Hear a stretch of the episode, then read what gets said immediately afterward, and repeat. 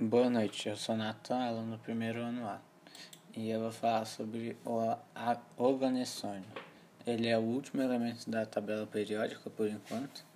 Ele tem 118 prótons, o número atômico dele é 118.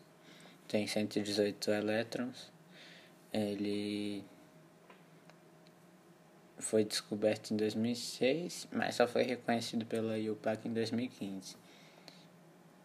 Ele também é super pesado e radioativo, o que torna seu manuseio bem difícil e perigoso, além de ter uma vida muito curta.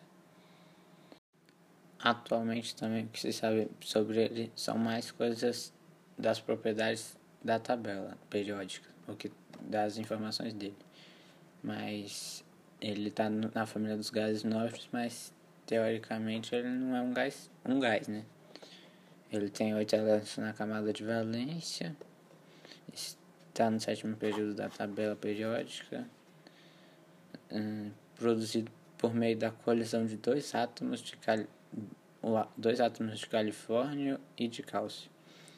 Aí, causa uma explosão e ele vive bem pouco e já se transforma em outro átomo. Muitos laboratórios no mundo já estudam ele, inclusive demoraram para achar justamente por isso, porque a vida era muito curta e, ele logo se transformava em outra em outro átomo.